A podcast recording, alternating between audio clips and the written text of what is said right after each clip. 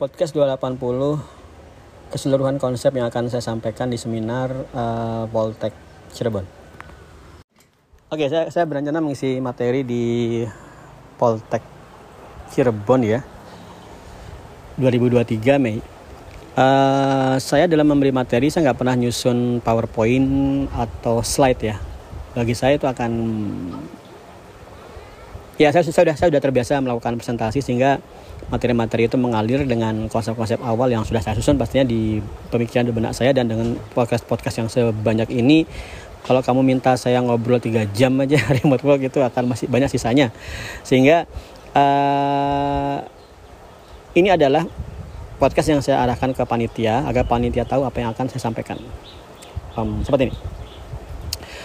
Pertama masalah wawasan pentingnya memberikan asupan-asupan pemikiran kalau kita mau merubah waduh kalau mau, merubah bangsa misalnya seperti itu. Tapi merubah diri sendiri aja maksud saya merubah diri sendiri. Anak-anak mahasiswa kalau belum punya mindset remote work begitu mereka saat sedang kuliah nggak akan kebayang apa itu kerja remote. Taunya ya lulus kuliah mungkin nikah ya atau lulus kuliah ngelamar pekerjaan di kantor-kantor di kota masing-masing gitu kan? Atau mungkin yang lebih maju lagi ke Jakarta?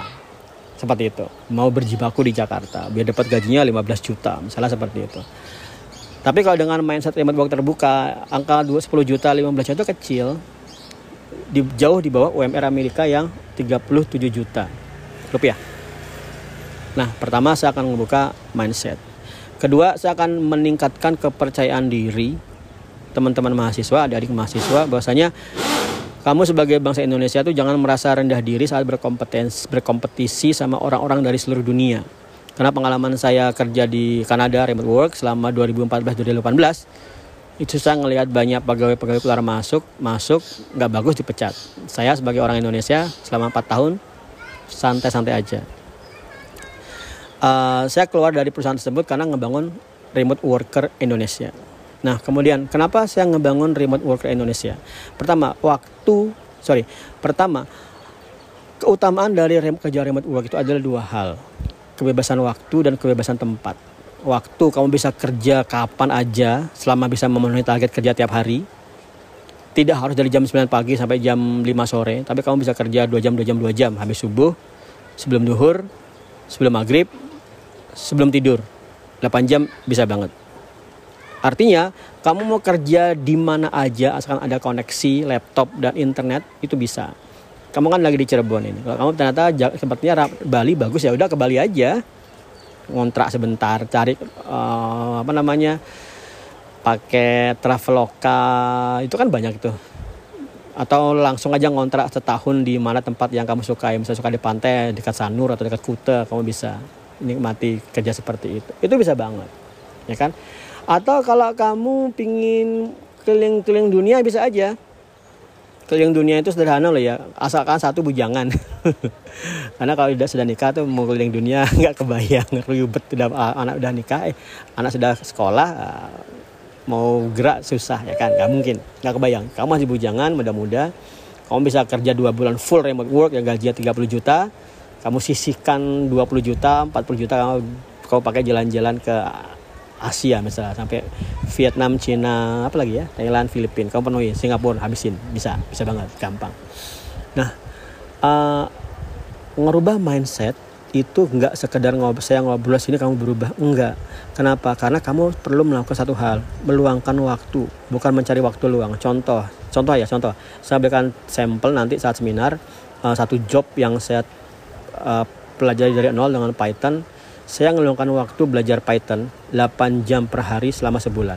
Coba saya, kamu saya tantang, anak mahasiswa saya tantang, kerja belajar 4 jam per hari, tiap hari selama sebulan, konsisten.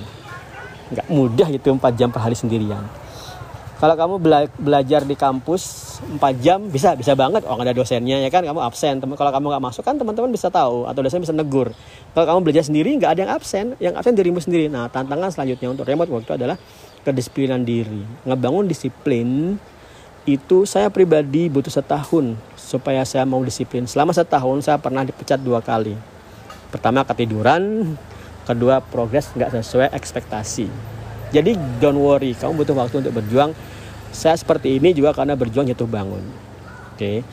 Nah, selanjutnya mungkin saya akan menyampaikan tentang materi paling penting dari uh, remote worker Indonesia itu adalah saya mensusun satu konsep yang saya sebut dengan Seven Habits of Highly Effective Remote Worker yang saya turunkan dari Seven Habits of Highly Effective People miliknya Stephen R. Covey. Saya akan tunjukkan konsep uh, Seven Habits yang paling penting di konsep Seven Habits adalah dua hal. First thing first, dahulukan yang utama dan serpent the soul. Serpent the soul itu adalah kalau kamu ngasah, kalau kamu, ah sorry, serpent the soul seperti seperti ini ilustrasinya. Kamu ke hutan ngeliat orang lagi gergaji. Tapi kamu lihat gergajinya itu tumpul. Kamu bilang ke orang itu, Pak kenapa nggak berhenti sebentar ngasah gergaji kemudian gergaji lagi kan lebih cepat. Kata orang itu, maaf ya aku nggak ada waktu untuk ngasah gergaji, aku sibuk menggergaji.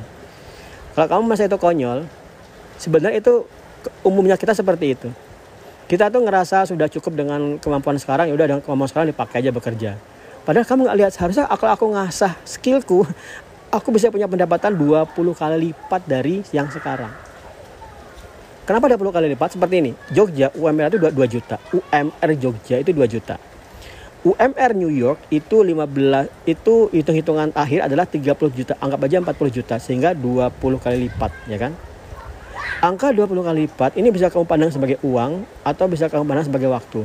Kalau kamu pandang sebagai uang, maka ya sekedar dua kamu gaji 22 juta, ini ini 40 juta. Tapi kalau kamu gambarkan sebagai waktu lebih seram hasilnya. Kamu kerja satu bulan perusahaan remote work, setelah kamu kerja 20 bulan di Jogja, satu tahun lewat 8 bulan, nyaris 2 tahun. Satu tahunmu kamu kerja satu bulanmu kamu kerja di Amerika remote work setara dengan nyaris kamu dua tahun kerja di Jogja. Itu hal yang benar-benar saya tekankan. Karena apa karena kalau kerja remote itu tantangannya bukan lagi masalah sorry benefitnya bukan lagi masalah uang yang banyak tapi waktu.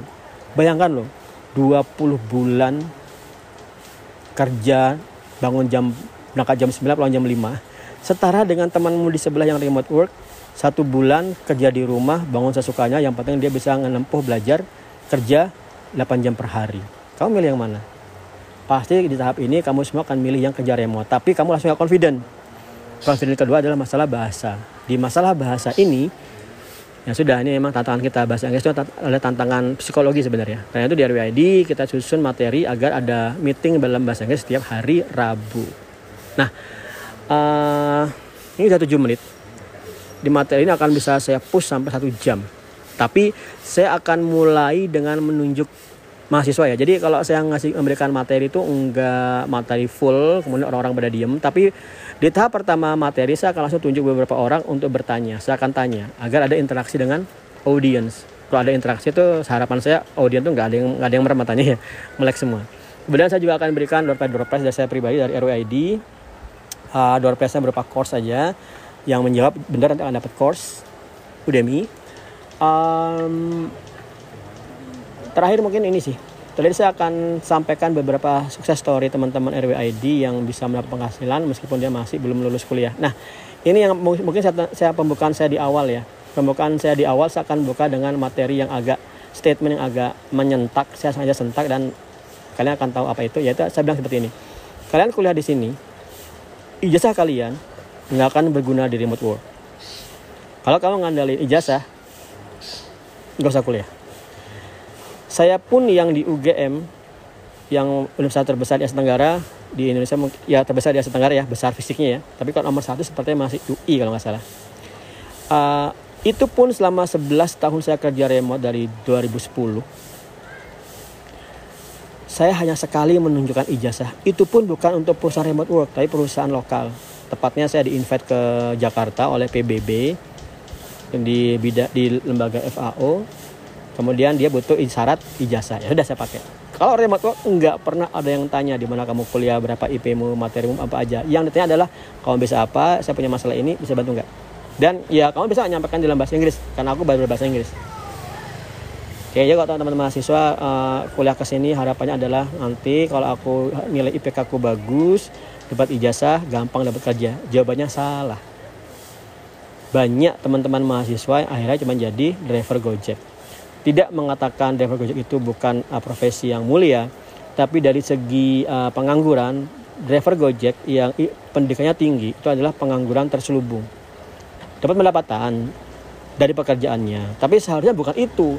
Karena kalau kamu sekadar senang dengan jadi driver Gojek ya sebagian dulu nggak usah kuliah dong. Langsung aja SMA langsung lamar jadi Gojek ya kan. Nah, oke okay, itu uh, gambaran besar. Um, di antaranya juga mungkin saya akan sampaikan tentang masalah resesi ya. Resesi startup akan saya sampaikan agar punya wawasan di, di bidang ekonomi startup seperti apa dan kompetensi yang harus kamu gunakan untuk bisa menembus remote work skala global. Karena Indonesia saat ini tahun 2018 data tadi saya belum belum sempat baca.